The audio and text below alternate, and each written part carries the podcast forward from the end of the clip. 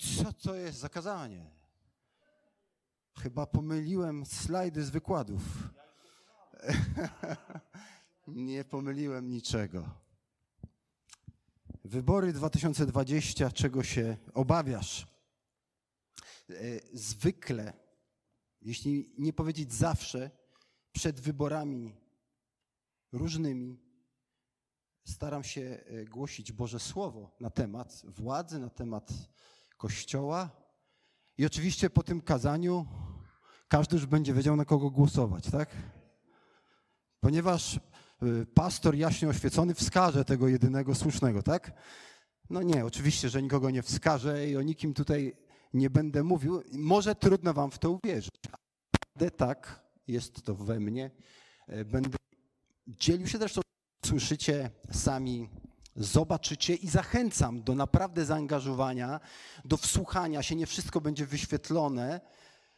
Dziś skorzystałem z autorów, którzy są dla mnie pewnym autorytetem, jeśli chodzi o nauczanie, którzy mają dużo większą wiedzę, dużo większe wejrzenie w, w, kulturę, w społeczność, nie tylko w Polsce, ale na świecie. I mam nadzieję, że ubogacą swoimi przemyśleniami e, nasze życie. Czego się obawiasz? Rozmawiając z ludźmi, słychać pewną obawę. Kiedy rozmawiałem z różnymi osobami też z naszego kościoła, obawa, czy zagłosuję na tego, kto bardziej podoba się Bogu. Dostałem nawet takiego maila, w którym y, wskazówka była taka, że jeśli zagłosuję na jednego z kandydatów, to pójdę za antychrystem, a jeśli na drugiego, to za kim? Tak zastanawiałem się, czy odwrotnie ten ktoś zadał sobie pytanie, czy to znaczy, że, to, że, że zagłosowanie za tym to pójście za Jezusem? No, bywają aż tak bardzo spolaryzowane opinie. Y, przeżywamy obawę, bo myślę, nie wiem, czy wielu jest prawdziwe, ale ja spotkałem już trochę osób, które mówią, nie wiem, na kogo głosować. To jest nasze doświadczenie. Nie wiem, niektórych z nas przynajmniej, nie wiem, na kogo zagłosować. Takie mamy doświadczenie. Obawiamy się naszą przyszłość, e, ponieważ jeśli wygra ten, za którym nie jestem, to obawiam się o moją przyszłość. Więc rodzi się strach, obawa, jak to będzie. Obawiamy się, jeśli chodzi o wierzących, narodzonych na nowo w społecznościach, opinii innych o nas, jeśli mamy innego kandydata niż ta druga osoba. Przeżywasz coś takiego, że boisz się powiedzieć, kogo masz na myśli, bo boisz się reakcji z drugiej strony? Już to samo powinno nam pokazać, że coś jest nie tak z nami, jeśli boimy się ze sobą szczerze rozmawiać. To cóż takiego w naszych sercach zadomowiło? Obawiam się potraktowania mnie jak głupiego. Słyszeliście takie sformułowanie, jak możesz na kogoś takiego głosować? Słyszałeś, bo Boguś słyszał. Ale to jest wyraz opinii o tobie. Lub ty wydajesz taką opinię o kimś. To nie jest szacunek, to jest opinia. I boimy się takich opinii. Boimy się, że nas ktoś potraktuje no po prostu w sposób poniżający nas, godzący w naszą wartość. Więc spójrzmy troszkę na ten temat biblijnie, na ten temat, na temat władzy. Jaką, jaki status ma władza? Bo to ma olbrzymie znaczenie. To tylko króciutko postaram się o tym powiedzieć i przejść do takiego właściwego, dalszego tematu, ale to jest ważne, byśmy to rozumieli jako wierzący, żyjący w dzisiejszym XXI wieku. Pan Jezus w Ewangelii Mateusza zapytany o to, no przeczytajmy zresztą. Powiedz nam przeto, jak ci się zdaje – tak pytają Jezusa, czy należy płacić podatek cesarzowi, czy nie? A Jezus, poznawszy ich złośliwość, czyli wiedział, że mają złe motywacje, pytając, chcą go złapać na czymś, rzekł: Czemu mnie kusicie, obłudnicy? Pokażcie mi monetę podatkową, a oni przynieśli mu denar. I rzecze im, czyja to podobizna i czyj napis. Powiadają cesarza. Wtedy mówi do nich: Oddawajcie więc, co jest cesarskie cesarzowi, a co Bożego Bogu. Nie wiem, czy czujecie ogrom napięcia, co tam się wydarzyło w tej rozmowie. Oto pobożni Żydzi, którzy dbają o czystość, dbają o kult Jahwe, jedynego Boga, pytają Jezusa, czy należy płacić podatki pogańskiemu cesarzowi, który czci innych bogów? Czy należy wspierać jego działania? Gdyby Jezus odpowiedział nie, naraziłby się władzy. Gdyby powiedział tak, naraziłby się całej grupie Izraelitów, którzy się uważali za naród wybrany, bo takim byli i uważali się, że no jak to pogańskiemu wspierać pogan? Więc oni zadali tak pytanie, by Jezus nie mógł z niego wyjść. Jezus daje odpowiedź i jestem bardzo ciekaw, jak ją rozumiemy. Bo odpowiedź brzmi: oddawajcie więc, co jest cesarskie cesarzowi, a co Bożego Bogu. W tym czasie cesarzem, kiedy Jezus wypowiada te słowa, cesarzem jest Tyberiusz. On jeszcze nie był takim, powiedzielibyśmy, tak bardzo złym królem, cesarzem. Ale kiedy Ewangelia Mateusza została spisana, a około 60 roku była spisana, to ci, którzy ją czytali, żyli w czasach jakiego cesarza? Nerona, który mordował chrześcijan. Więc pomyślmy o chrześcijanach, którzy czytają Ewangelię Mateusza i wypowiedź Jezusa, a z tyłu głowy mają Nerona. Co to za odpowiedź? Co to jest za odpowiedź? W zależności od zachowań władzy, ten sam tekst jest nam łatwiej do przyjęcia lub trudniej. Często ten tekst jest rozumiany na zasadzie takiej. No tak, co cesarskiego to cesarzowi, czyli świat nasz jest podzielony na dwie części. Na część, w której żyjemy dla Boga i na część, w której żyjemy dla tego świata i tego, co na tym świecie jest. I to jest już błędne założenie z tego fragmentu. To jest jakiś dualizm, którego w Biblii nigdzie się nie znajdzie. Nie ma czegoś takiego, że to jest obszar, w którym rządzi Bóg, ale w tym obszarze to już Bóg nie rządzi, tu już kto inny rządzi i On tutaj sprawuje władzę. Jezus czegoś takiego nie powiedział, dlatego tym bardziej trudna była odpowiedź Jezusa dla słuchaczy. Bo Jezus powiedział: Oddajcie, co jest cesarskiego cesarzowi, a co Bożego Bogu. A co jest Bożego?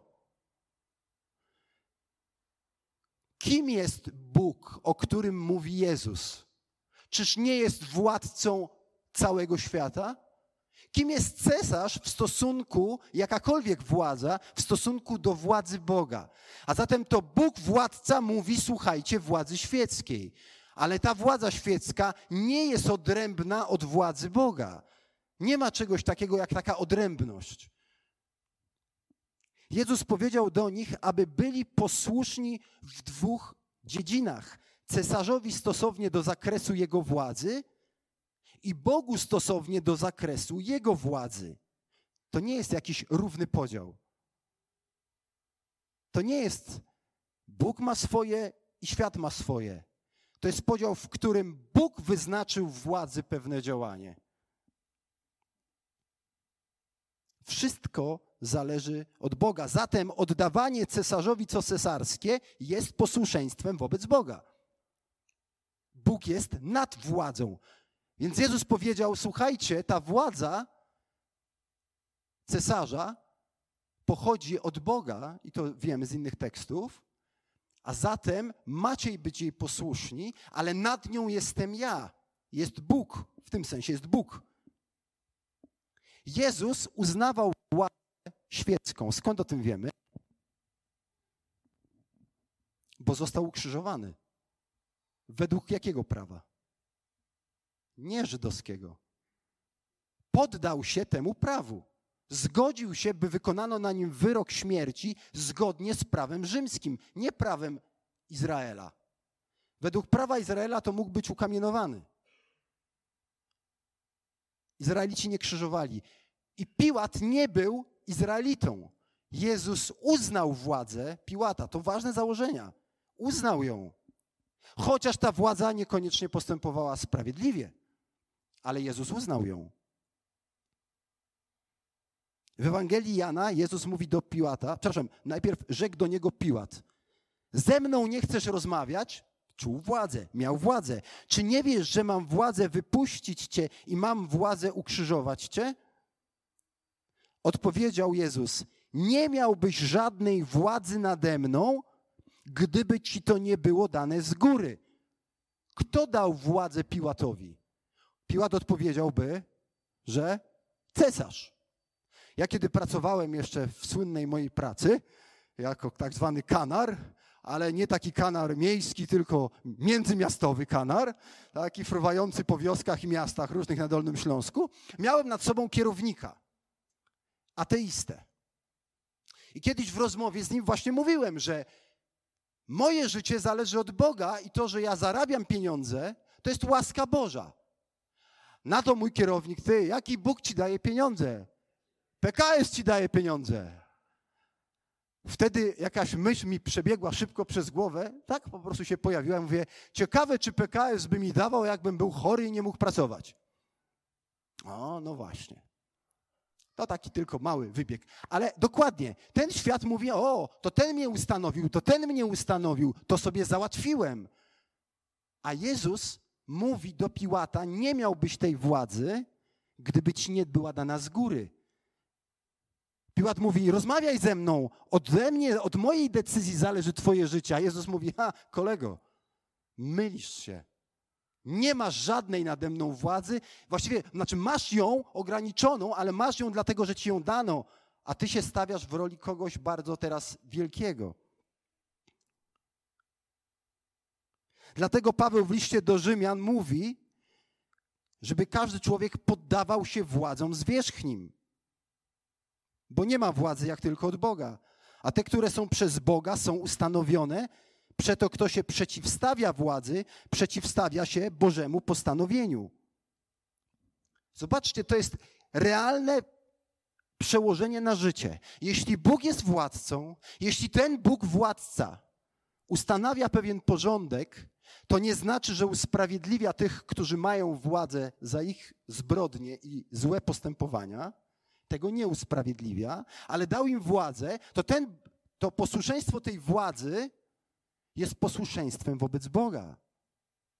To jest bardzo ważna kwestia. Oddawajcie więc, co jest cesarskie cesarzowi, a co Bożego Bogu. I króciutko jedna kwestia. Oczywiście, do jakiej granicy mamy być posłuszni władzy? My to wiemy, ale powtórzymy tylko sobie. Do granicy grzechu. A czym jest grzech?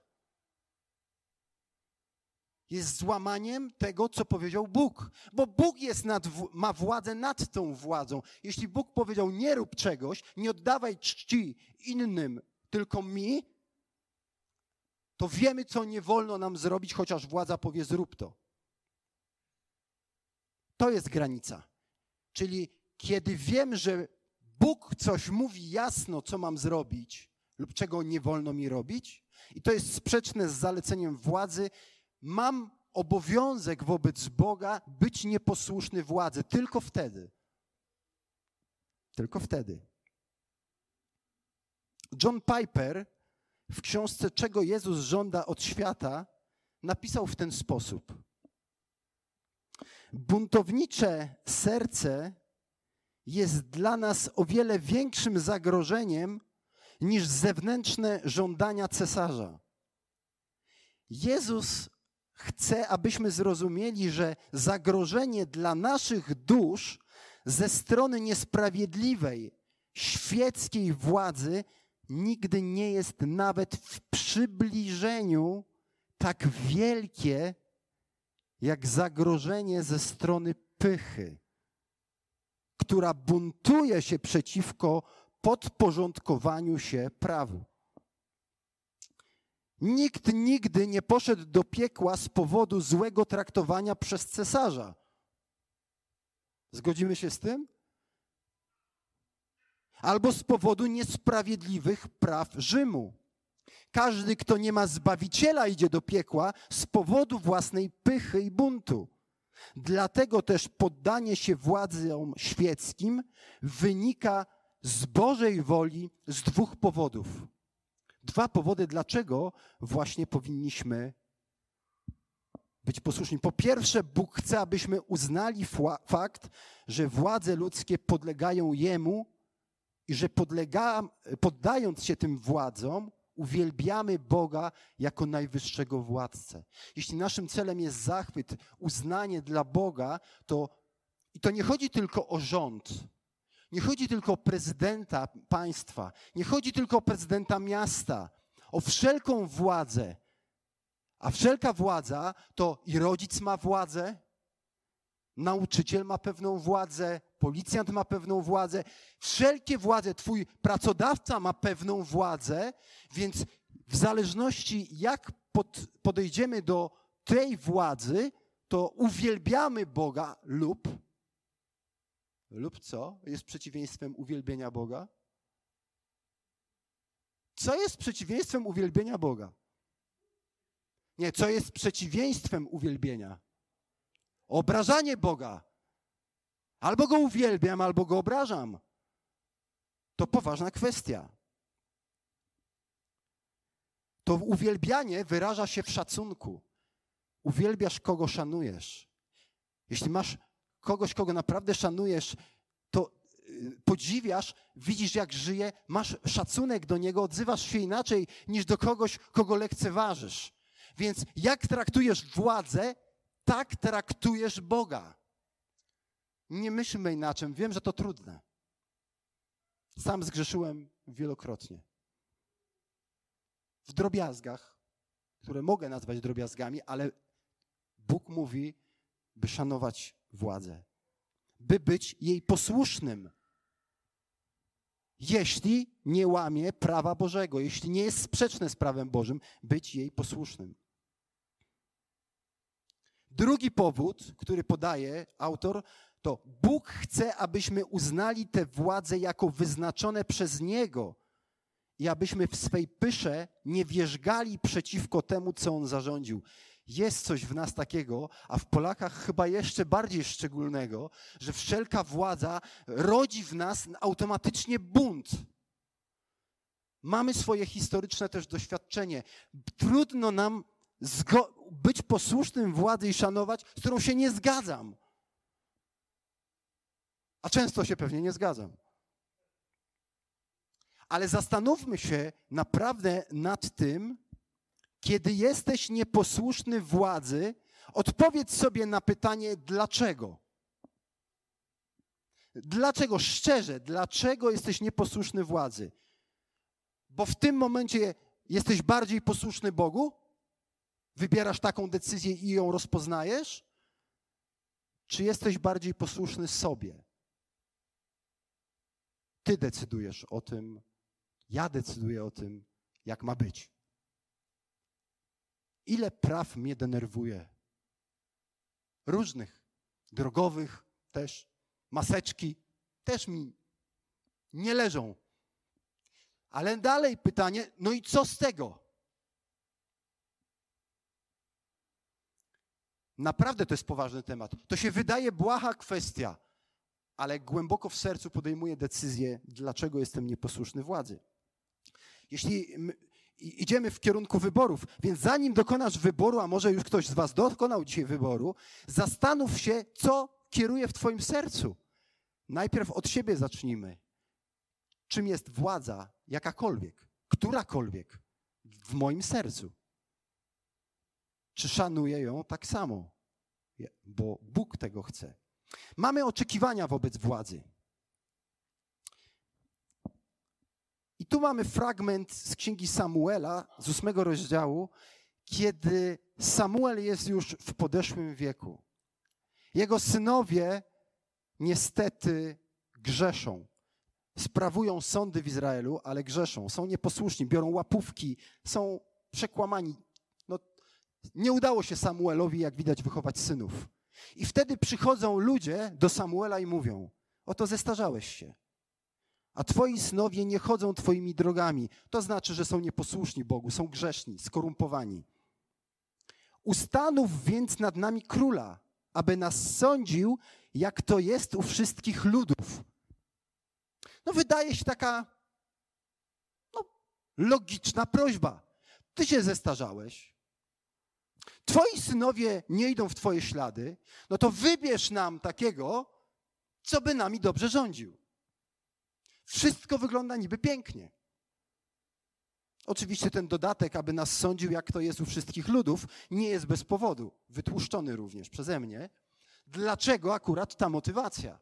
Żeby mieli kogoś, kto nimi będzie kierował, jak u innych ludów, innych oczywiście pogańskich, bo wtedy innych nie było. Pytanie, jaką rolę tam król odgrywał. I co się dzieje dalej? Wysłuchaj, a przepraszam, tak, Y, Samuel rozmawia z Bogiem i Bóg odpowiada Samuelowi. Wysłuchaj głosu ludu we wszystkim, co mówią do ciebie, gdyż nie tobą wzgardzili, lecz mną wzgardzili.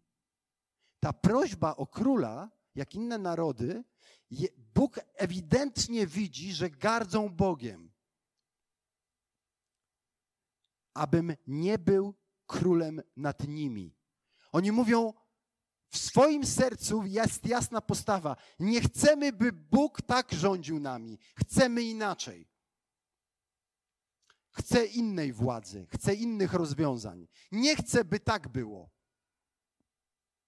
zgodnie ze swoimi postępkami, jak postępowali ze mną od dnia, gdy wyprowadziłem ich z Egiptu, aż do dnia dzisiejszego, porzucając mnie, aby służyć innym Bogom. Tak postępują oni także z Tobą. On mówi do Samuela. Odrzucają Ciebie, Samuelu, odrzucają ten system, jaki do tej pory był, bo uważają, że stworzą system, który da im lepsze rozwiązania, ale w tym systemie oni odrzucają tak naprawdę mnie jako Boga popełniają bałwochwalstwo. Ufają, że władza i taki system, jaki stworzą, daje, daje im poczucie bezpieczeństwa.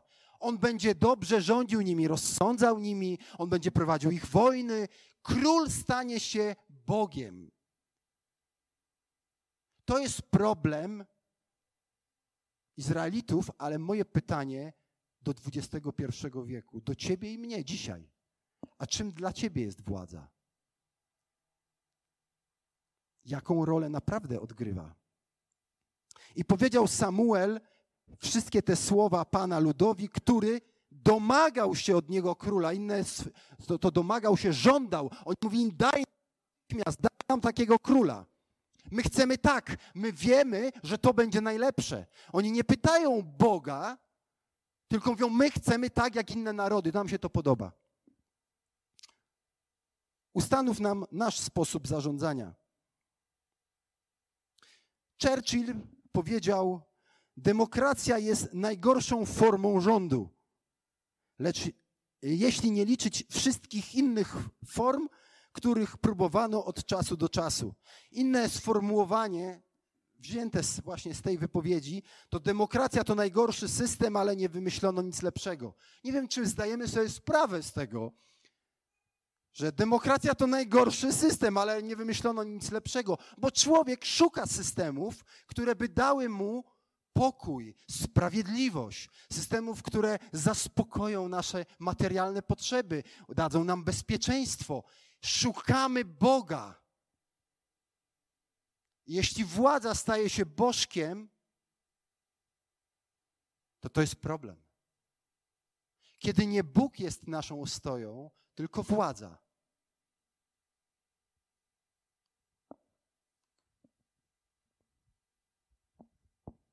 Keller w swojej książce Fałszywi Bogowie przytacza różnych y, też pisarzy, I na temat władzy ja przeczytam cztery, trzy punkty, po czym poznać, kiedy władza jest, jest bałwanem, jest bożkiem. Ta książka została wydana w Stanach Zjednoczonych w 2009 roku. Ona nie jest o Polsce. Ale posłuchajmy. Po pierwsze, gdy jakaś partia zwycięża w wyborach, pewien procent zwolenników tej, która przegrała, zaczyna mówić o opuszczeniu kraju. Są tym wstrząśnięci i obawiają się o przyszłość. Złożyli w przywódcach i działaniach politycznych ten rodzaj nadziei, którą niegdyś pokładano jedynie w Bogu i dziełach Ewangelii. Zastanówmy się, czego się boisz? Bo może władza stała się bożkiem w Twoim życiu i moim. To jest pierwszy z objawów, tak współcześnie rozpoznawany. Drugi aspekt, po którym można poznać, czy władza stała się bożkiem. Inną oznaką bałwochwalczego oddania polityce jest fakt, że przeciwników politycznych nie uważa się za ludzi, którzy mylą się w jakiejś kwestii, lecz po prostu za ludzi złych.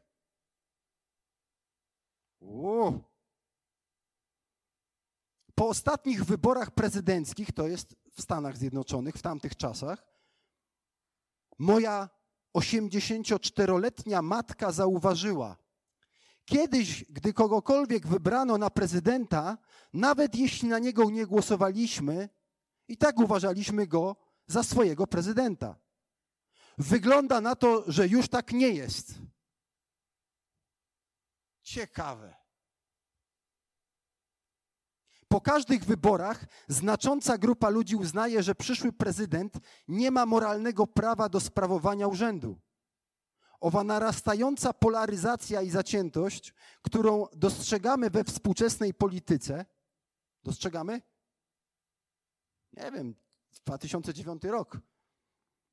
Świadczy o tym, że obróciliśmy aktywność polityczną w pewną formę religii. Rozumiecie? Stało się to, że ci ludzie, na których głosujemy, stali się naszym bóstwem, od którego zależy nasza przyszłość. My naprawdę wierzymy w to, że, że ludzie są w stanie nas zabezpieczyć. Biblijnie to jest bałwochwalstwo. Dla mnie to są bardzo ciekawe, naprawdę przemyślenia. I powód trzeci, znaczy takie rozpoznanie trzecie, napisane to jest przez, y, napisał, człowiek nazywał się Niebuchr, nie wiem czy ja dobrze to czytam, ale wydaje mi się, że tak. Był to człowiek, który żył w czasach II wojny światowej i w 1941 roku napisał to, co przeczytam. W 1941 roku, kiedy naziści wiemy, co stworzyli. Niedobrą, przepraszam, dobrą rzeczą jest czuć dumę z powodu swojej przynależności narodowej. Lecz kiedy potęga i powodzenie narodu stają się bezwarunkowymi absolutami, to trudne troszkę, ale spróbujmy zrozumieć. Kiedy potęga i powodzenie narodu stają się bezwarunkowymi absolutami, odsuwając na bok wszystkie inne kwestie, przemoc i niesprawiedliwość mogą szerzyć się bez przeszkód. I czwarty powód czy to rozpoznanie, podobnie nie sposób jednoznacznie określić, kiedy patriotyzm przerodził się już w rasizm, ucisk i imperializm. Nikt jednak nie może zaprzeczyć, że narody często zsuwały się w tą przepaść. I nie jest rozwiązaniem wyśmiewać wszystkie formy patriotyzmu, jakby były automatycznie czymś złym. Jak już wielokrotnie powtarzaliśmy, fałszywe bóstwa to dobre i konieczne rzeczy, którym nadano rangę boskości. My potrzebujemy żyć w jakimś kraju, w jakimś porządku, ale jeżeli zaczynamy tej władzy, jaka ona nie jest, nie tylko rządu, przypisywać rolę naszego bezpieczeństwa, no to zastanówmy się, kim jest Bóg wtedy. Jeśli boisz się o przyszłość, ktokolwiek by wygrał te wybory i następne, i mówisz, boję się, to znaczy, że w czym pokładasz ufność jako chrześcijanin? We władzy świeckiej? We władzy ludzi to ludzie mają władzę, mają jakąś, ale ograniczoną. W niej pokładasz swoje życie? Zawsze Bożek, który zostanie utrącony, spowoduje w nas strach, bo życie nam się rozsypuje, jeśli Bóg nie jest centrum naszego życia.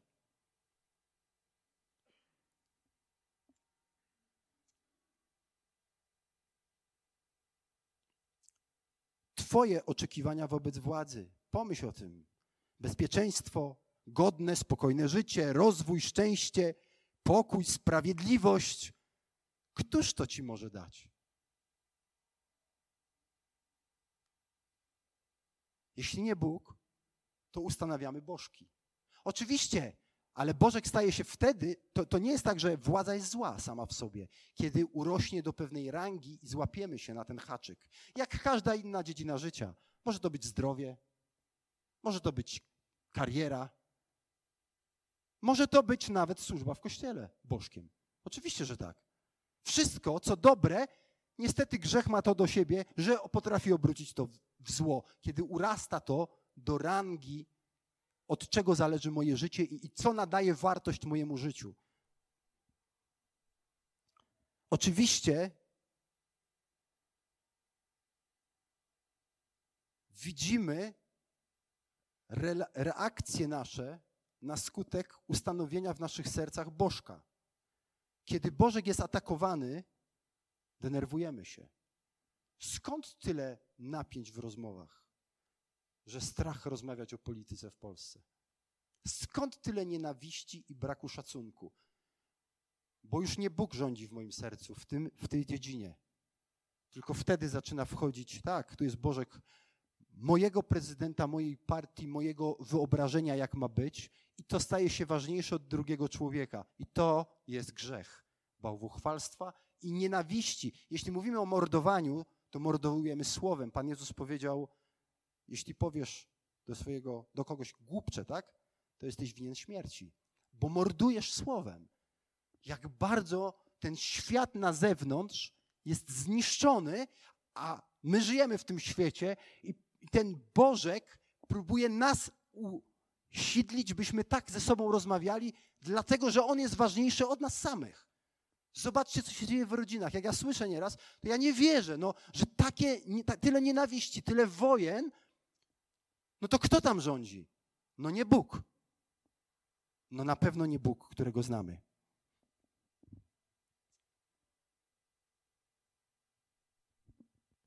Pan Jezus powiedział: Wiecie o tym, że rządzący uciskają ludzi, a wielcy dają im odczuć swoją władzę.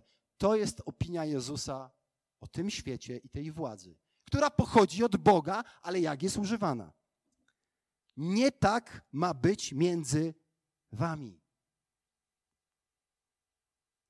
Nie tak ma być między wami.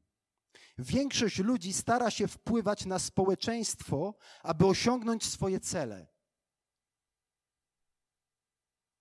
Dają innym odczuć swoją władzę, szukają kontroli. Jeśli mam moc, jeśli mam bogactwo, koneksję, to mogę zrobić co chcę. A Jezus mówi: Nie tak ma być między wami. I to jest to wywrócenie do góry nogami. Królestwo Boże mówi odwrotnie. Jest nam ciężko to rozumieć, bo wokoło żyjemy w świecie, który tak funkcjonuje. A Jezus mówi, a u was ma być odwrotnie. I chcę przeczytać coś, co mnie zachwyca, co porusza moje serce, co chciałbym, by było w naszym kościele i czym, żeby była nasza wspólnota i kościół w tym mieście i w tym kraju. Tego bym chciał. Dla ciebie, mówi Bóg, drogą do uzyskania wpływów nie jest przejęcie władzy. Wpływ uzyskany dzięki władzy i kontroli tak naprawdę nie zmienia społeczeństwa, nie zmienia serc. Wzywam cię do zupełnie innego podejścia. Bądź tak ofiarnie kochający, że ludzie wokół ciebie, którzy nie wierzą w to, w co ty wierzysz, wkrótce nie będą w stanie wyobrazić, wyobrazić sobie miasta bez ciebie. zaufają ci, ponieważ widzą, że żyjesz nie tylko dla siebie, ale także dla nich. Kiedy dobrowolnie zaczną się do ciebie zwracać ze względu na atrakcyjność twojej służby i miłości, będziesz miał prawdziwy wpływ. Będzie to wpływ, który otrzymasz od innych, a nie taki, który musiałbyś sam sobie od nich wziąć.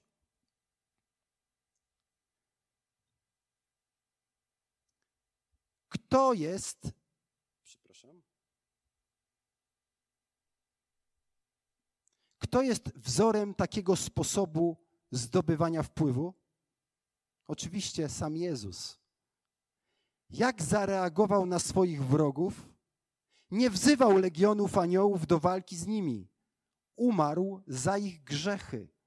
A gdy umierał, modlił się za nich.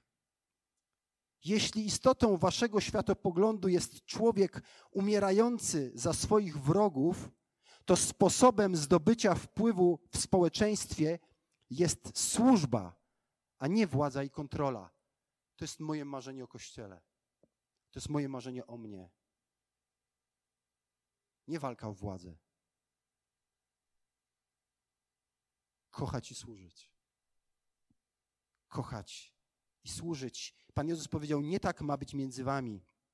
Zapisałem sobie jedno z pytań, które mnie nurtuje. Ono nie jest doskonałe, ale może ci pomoże w czymś. Czy byłbyś w stanie zrezygnować z siebie w tych wyborach czy innych, zrezygnować z swoich pewnych zysków, jakie widzisz, aby innym żyło się lepiej. Dlatego mówię, ono nie jest doskonałe. Wiem, że tam można się do różnych rzeczy doczepić. Chodzi mi o, o ideę. Czy jestem w stanie zrezygnować z siebie dla innych? Jeśli mi byłoby trudniej, a innym łatwiej, to czy jestem w stanie z miłości poświęcić siebie? Słyszeliście to w jakiejkolwiek kampanii na świecie? Wyborczej? Że ktoś powiedział, zrezygnujmy z siebie, żeby się tamtym lepiej żyło.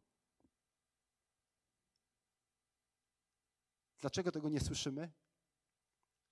Bo Bogiem nie jest nasz Bóg. A Jezus powiedział: Nie tak ma być między wami. Władza, społeczeństwo, żeby nie było anarchii, musi być pewien porządek, muszą być pewne rzeczy. Oczywiście ja wszystkiego tu nie wyjaśniam. To musi być. I mamy ją szanować, modlić się za nią, błogosławić. Nieważne, czy mi się podoba, czy nie. Ale pomyślmy teraz o nas. Czy w tych dzisiejszych czasach, i to jest, to, to jest moje pytanie na koniec, te Boże oczekiwanie wobec mnie i Ciebie. W czym przejawia się Twój szacunek wobec władzy? W czym się przejawia, wczoraj się przejawiał, przedwczoraj, Twój i mój szacunek wobec władzy? Czy możesz powiedzieć, uwielbiam Boga, a to jest mój dowód, bo szanuję władzę w ten i w ten sposób? I pytanie, jak istniejące warunki, które są teraz i które będą, a nie znamy jakie będą, ale popatrz w ten sposób, proszę. Jak istniejące warunki są szansą. Jak istniejące warunki możesz wykorzystać lub wykorzystujesz do wskazywania na Jezusa jako władcę, który oddał życie za poddanych. i powróci jako władca, ostatecznie rozprawiając się on sam wtedy sprawiedliwie ze swoimi wrogami i on wprowadzi światowy pokój i ład. Ale jak wykorzystujesz kłótnie polityczne, by opowiadać o Chrystusie? A może już wstyd otworzyć nam usta, by mówić o Chrystusie? Bośmy trochę powiedzieli nie tak. Pomyślmy o tym. Królestwo Boże nie jest z tego świata. Dziś modlił się ktoś pięknie, nasza ojczyzna jest w niebie. Jesteśmy tu, jesteśmy Polakami, Ukraińcami, żyjemy tu w tym narodzie, tutaj chcemy dokonywać wyborów, zmian, tu chcemy. Ale co chcemy? By Chrystus rządził, czy żeby mi było lepiej? I Chrystusa chcę podporządkować sobie i postawić Bożka ja, władza, przyjemność, cokolwiek. Co mną rządzi? Czym się kieruje? Ostatnie pytanie testujące. Jak traktujesz ludzi o innych poglądach? Jak traktujesz ludzi o innych poglądach? Będziemy mieli teraz czas modlitwy. Chciałbym, by nasz Ojciec w niebie ucieszył się z naszej właściwej postawy w modlitwie wobec tych, którzy, których uznajemy za nie tych, na których byśmy głosowali. Żebyśmy okazali im szacunek i miłość. Bo Jezus przyszedł do mnie i do ciebie z miłością, a nie zasłużyliśmy ani na szacunek, ani na miłość. Nie zasłużyliśmy. Tak samo jak w naszych oczach czasami nie zasługują inni. Chyba, że deklaratywnie, bo w czynach nie widać tego. Ale zmieńmy to. Bądźmy jak światło w tym mieście. W rozmowach przed i po. Nie wiemy, co będzie po. Którykolwiek wygra, a druga strona będzie poraniona, będą dalej walki i plucie po sobie. Nie bądźmy takimi ludźmi, bądźmy naśladowcami Chrystusa. Niech buśnie miłość, pokora, służenie w ten sposób zmienianie tego miasta. Drogi Ojcze, pomóż nam.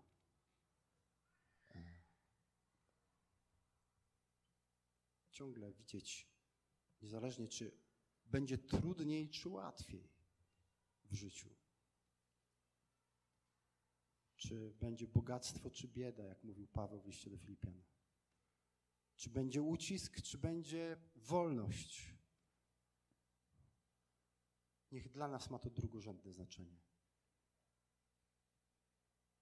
Chcemy, Panie, wykorzystywać wszelkie możliwości, by świadczyć o Tobie, mówić o Tobie, opowiadać o Twojej wielkiej miłości w Chrystusie, w Jezusie na krzyżu, bo ukochałeś nas. A z drugiej strony, tak jak Tomek się modlił, Panie, również modlę się o to, byś nas czynił aktywnymi w społeczności, w społeczeństwie. Byśmy byli aktywni w miłości, odpowiedzialności. I w tym wszystkim byś właśnie Ty był uwielbiony, Panie, w naszej postawie. Amen.